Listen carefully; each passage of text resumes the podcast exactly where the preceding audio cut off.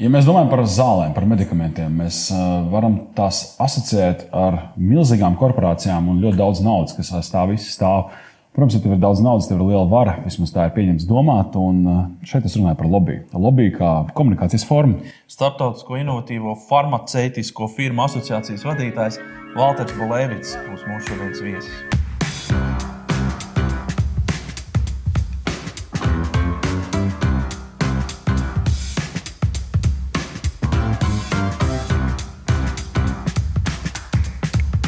Esiet sveicināti dienā pēc. Internet raidījums ir ar jums, jūsu ausīs un jūsu acīs. Ja skatāties mūsu, atgādinu, ka mūs var redzēt arī LMT viettelevīzijā, LMT straumē, Facebook, YouTube un klausīties visās populārajās podkāstu platformās.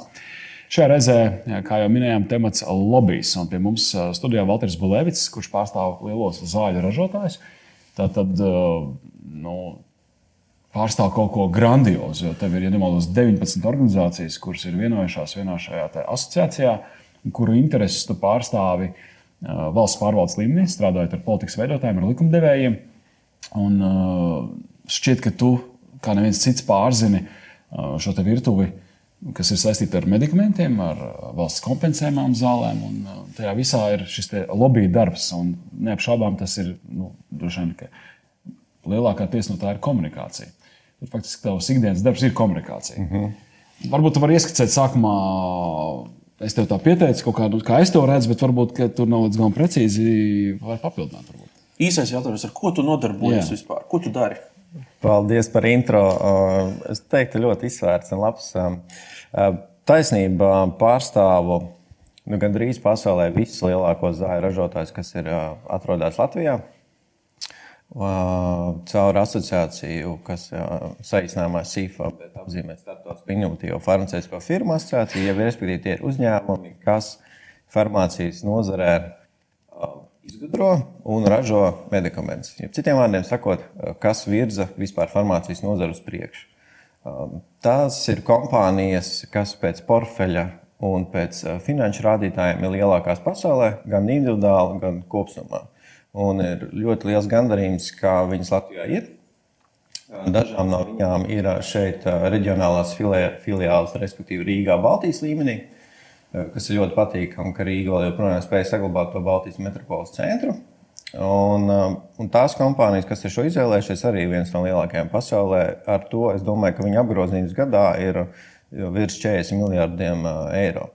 Kopējais farmācijas tirgus, ja respektīvi tāda biznesa vērtība 2018. gadā bija 1,3 triljonu dolāru mm. pasaulē. Bet pusi no šī tirgus aptuveni aizņem Amerika un Kanāda. Tā, kā, nu, tā pārējā pasaule krietni mazāk ir ziņā. Interesants fakts. Tas nāk, viņi tur ir 3 miljardi daudz no triljonu. Vispār nevar tādu vārdu. Ne, bet, jā. Nu, jā, bet par to, ka lielākā daļa tad, ASV un Kanāda, tā ir jā. kaut kāda tendence, ka viņi uz tām zālēm vairāk sēž. Tur regulācija citādāk, vai ne? Pirmkārt, ir pirktspēja cita, regulējums savādāks, mm. uh, pilnīgi cits finansēšanas modelis ir veselības aprūpas sistēmai. Eiropā mm. ir pilnīgi cits ceļš. Tajā organizācijas nosaukumā ir vārds inovatīvs. Jā. Varbūt paskaidro, ko nozīmē inovatīvs, ja mēs runājam par farmāciju. Kas mm. ir varbūt tās parastās zāles un kas ir tās inovatīvās zāles? Jā, inovatīvs nozīmē tieši to, ka medikaments ir uh, izgudrots, patentēts, ka tas ir unikāls, ar attiecīgi labākais, kas līdz šim pasaulē ir uz doto brīdi. Skaidrs, ka zinātnieki turpmāk izgudros vēl jaunāks, inovatīvāks, bet šis ir ar patentu aizsargāts Eiropā uz 10 gadiem, Amerikā pat līdz 20 gadiem produkts. Tas nozīmē, ka tas biznesa modelis šīm farmācijas kompānijām, kas investē pētniecībā un attīstībā, ir uh, orientēts uz tiem pirmajiem desmit gadiem, un pēc tam jau pēc šiem desmit gadiem, kad beidzās patenta periods, jebkurš ražotājs, kuram attiecīgi ir iekārtas, kurš ir izveidojis infrastruktūru, ir spējīgs ražot tādu, tādu pašu sastāvu medikamentu, ko jau pēc tam sauc par ģenēriķiem. Mm. Paturpinot varbūt par to komunikāciju vairāk. Kāds ir tavs darbs, esot lobbystam, tad, tad pārstāvot intereses? Es nezinu, vai vispār tas vārds ir ērts. Lobbyists, mm. lobbyists. Interešu pārstāvniecība. Interešu pārstāvniecība. Kas tev pašam patīk labāk? Latvijā lieto interešu pārstāvniecību. Un lobbysms, lobbysms gan lobbyismu definīcija, gan principi ne pasaulē, ne Eiropā nav tā skaidri atrunāti. Ir virkni dažādos definīciju arī akadēmiskajā vidē. pašā Eiropā nav vienāda pieeja, kas ir lobisms un ko nozīmē īsti lobēt. Atšķirās gan Eiropas padomē, gan Eiropas komisijā, gan arī likumdošanas ietvarā. Katrā valstī tas ir savādāk noteikts. Nu, Vistīrāk tas tiek koordinēts Amerikā, kur 95. gadā izdeva atsevišķu likumu par lobiju. Bet lobisms, ja bija interešu pārstāvniecība, citiem vārdiem runājot, nozīmē to, ka ir attiecīgi izveidota nu, juridiskajā formātā, visticamākais ir biedrība, asociācija, kas pārstāv noteiktu uzņēmēju vai veselas nozares intereses. Attiecīgi šo atspoguļojot viņu viedokli politikas veidotājiem, valsts pārvaldēm un lēmumu pieņēmējiem. Jo nu, arī kā virkni prominentu organizācijām mums patīk tādām atsaukties, kā OECD, piemēram, arī to ir definējuši, ka interešu pārstāvniecība nevajag to uztvert uzreiz savā galvā kā kaut ko sliktu vai, vai negatīvu. Tas ir arī no sabiedrības viedokļa.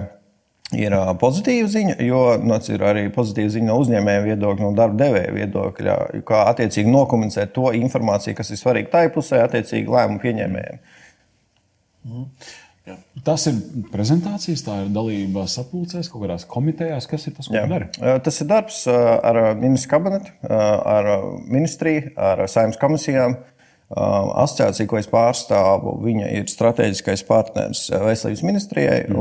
un farmācijas jomas konsultatīvās padomas loceklis. Un, attiecīgi, mēs esam nu, oficiāls sadarbības partneris ministrijai, un mēs paužam ražotāju viedokli un arī ministrijai. Un es domāju, sabiedrībai kopumā ir svarīgi zināt ražotāju viedokli, mm. virzot atsevišķas likumdošanas iniciatīvas. Un kas ir tas jautājumu. Galvenās iniciatīvas, kas ir nu, galvenie virzieni, kur, uz kuriem strādā?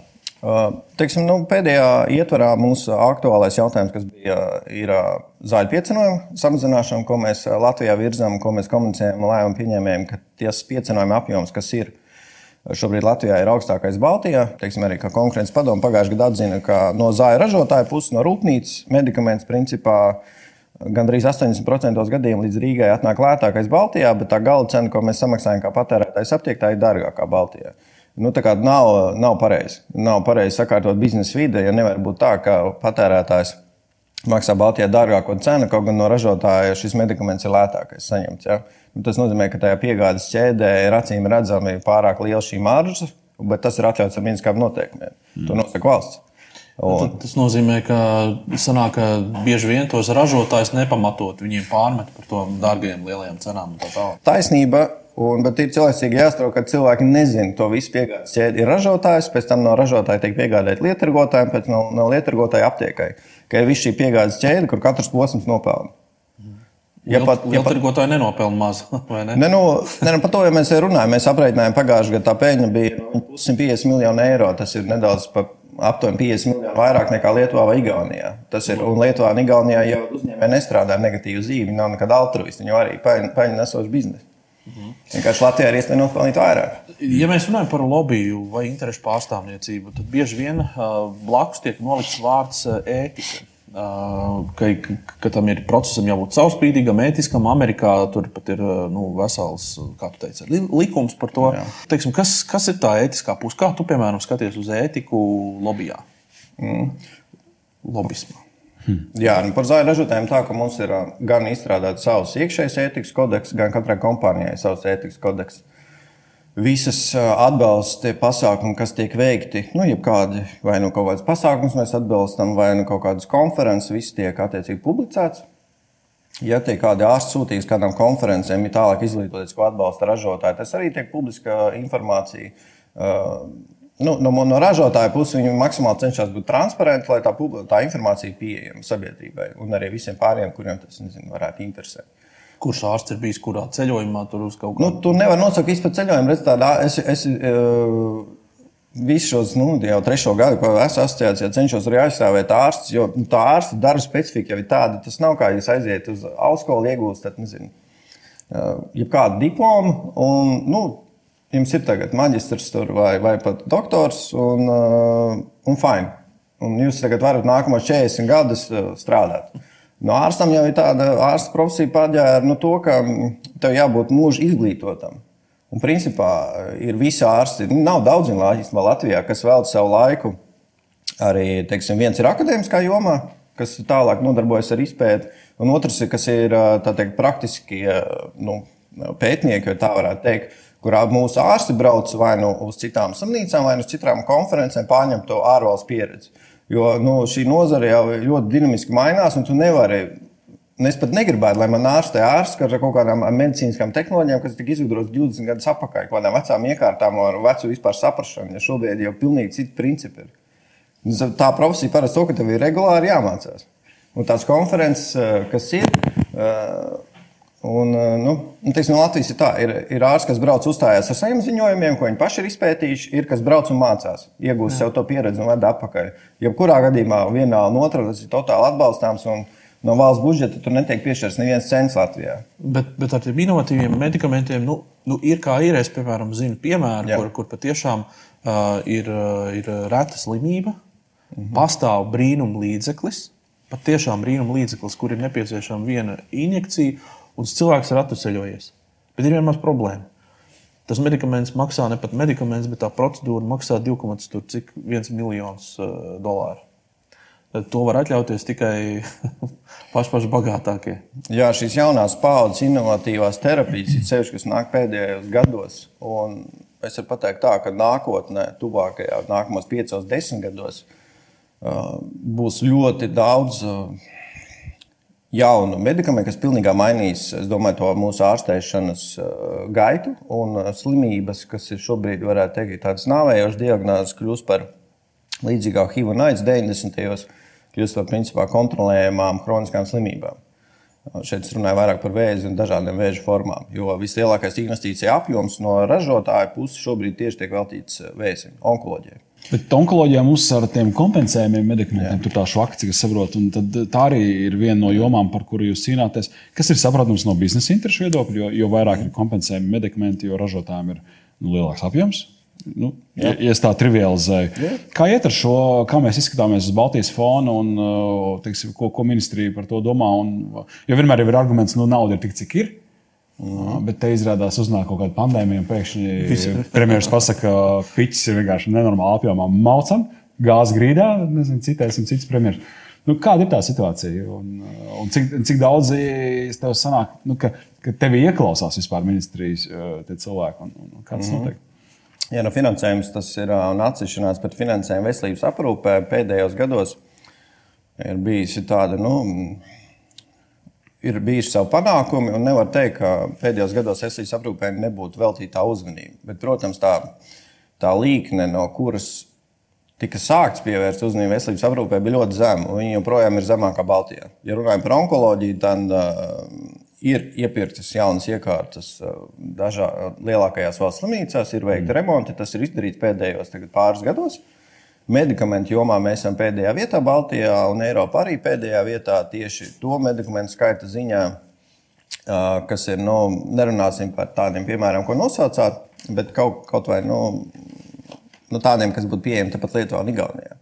Mēs no Lietuvas atpaliekam divas pusreizes un no Igaunijas divas reizes. Tā kā onkoloģija, protams, par... no ražotāja puses mēs to komunicējam un, un stāstam lēmumu pieņēmējiem un salīdzinām un rādām, kāda ir Eiropa, kāda ir Baltija, kādas ir iespējas Latvijā pacientam. Jo šobrīd tu vari, nu, nesākšu uzskaitīt dažādas onkoloģiskās saslimšanas, bet nu, tu vari paildzināt cilvēku dzīvi jau šodien līdz pieciem gadiem dažādiem jaunākās paudzes medikamentiem. Tas tiks nemaksā miljonus. Mhm.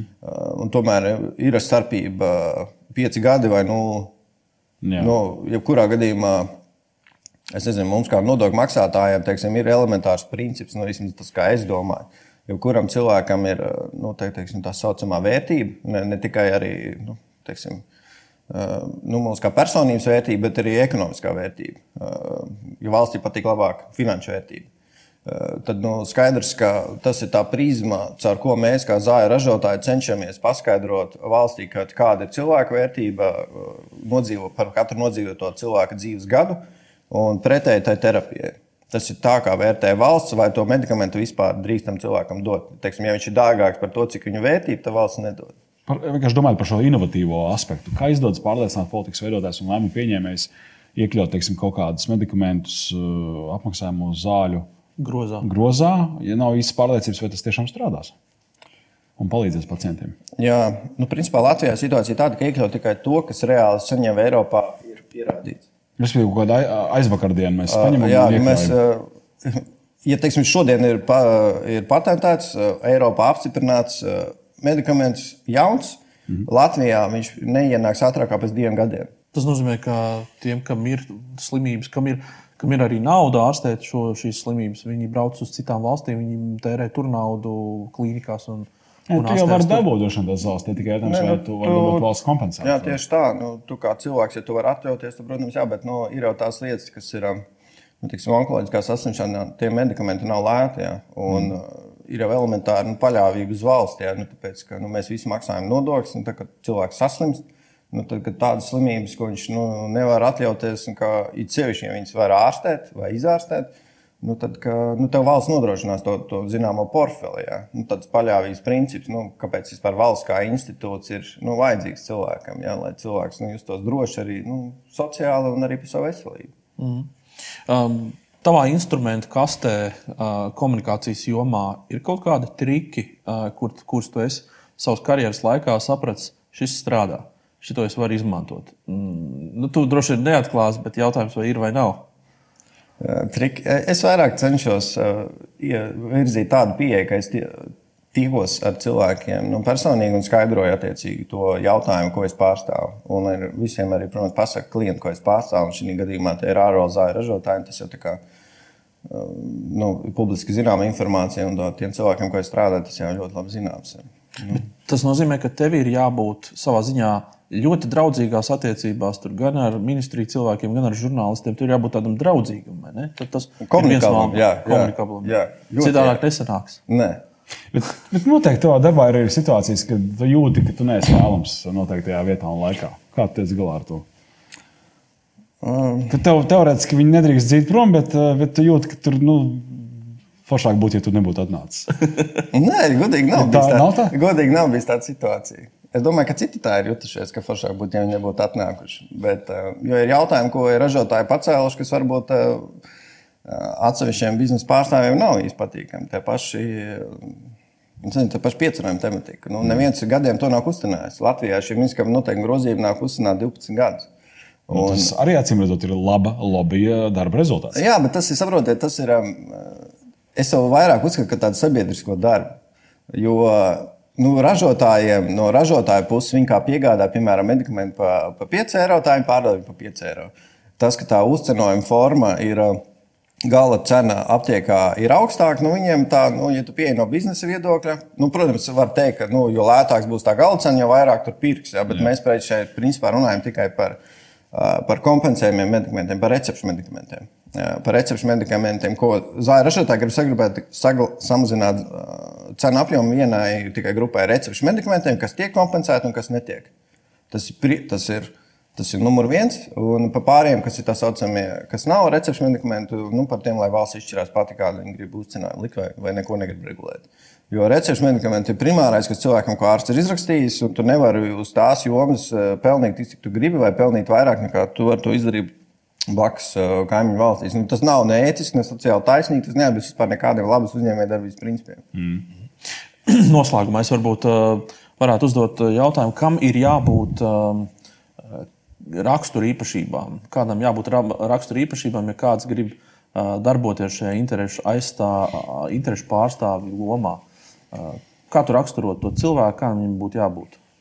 Nu, pietiekami pirmkārt jau izglītotam, erudītam, komunikablam, un atvērtam. Un uh, ir jāsaprot arī tas, ka nu, neatlaidīgam. Jā. Mhm. Droši vien kā arī nenaivam, zinot to, ka, ka aiz, aiz šīs slāņa ir nākamais slānis, aiz tā ir vēl kāds. Tā nav vienkārši vien viens sienas caursišana. Nē, nē, ļoti neatlaidīgam, mērķiecīgam. Skaidri jāzina savs mērķis. Tas, jebkurā gadījumā, ja tu pārstāvi intereses vai nu uzņēmēju vai nozars, tas rezultāts nebūs redzams pēc mēneša varbūt pēc gada, varbūt pēc diviem, teiksim, pievienotās vērtības nodokļu jomā, teiksim, ko es strādāju divu gadu pie tā jautājuma ar vidu un finanšu ministriju, bet šogad no šī gada panācām to, ka unikāla lieta, kas principā nav nokomunicēta ļoti plaši, kā nomārketēta, bet kas ir ļoti labi, ka panācām no šī gada pēc vienošanās ar vidu finanšu ministriju, ka tām zāļu ražotāju pārstāvniecībām Latvijā, kurām pašām piegādes ķēde zāļu ražotājs lietrgotāja aptieka, ka viņām tiek atgriezta šī PVN likme. Tas nozīmē, to, ka šī starpība 12%, kas Latvijā ir recepšu medikamentiem, ka tie medikamenti kļūst lētāk. Un ka tie ražotāji tad var attiecīgi jau ar savu kompāniju, kur viņi bāzē, piemēram, Šveicē vai kur, viņi var panākt uz Latviju vēl zemāku cenu. Mm. Tas ir viens.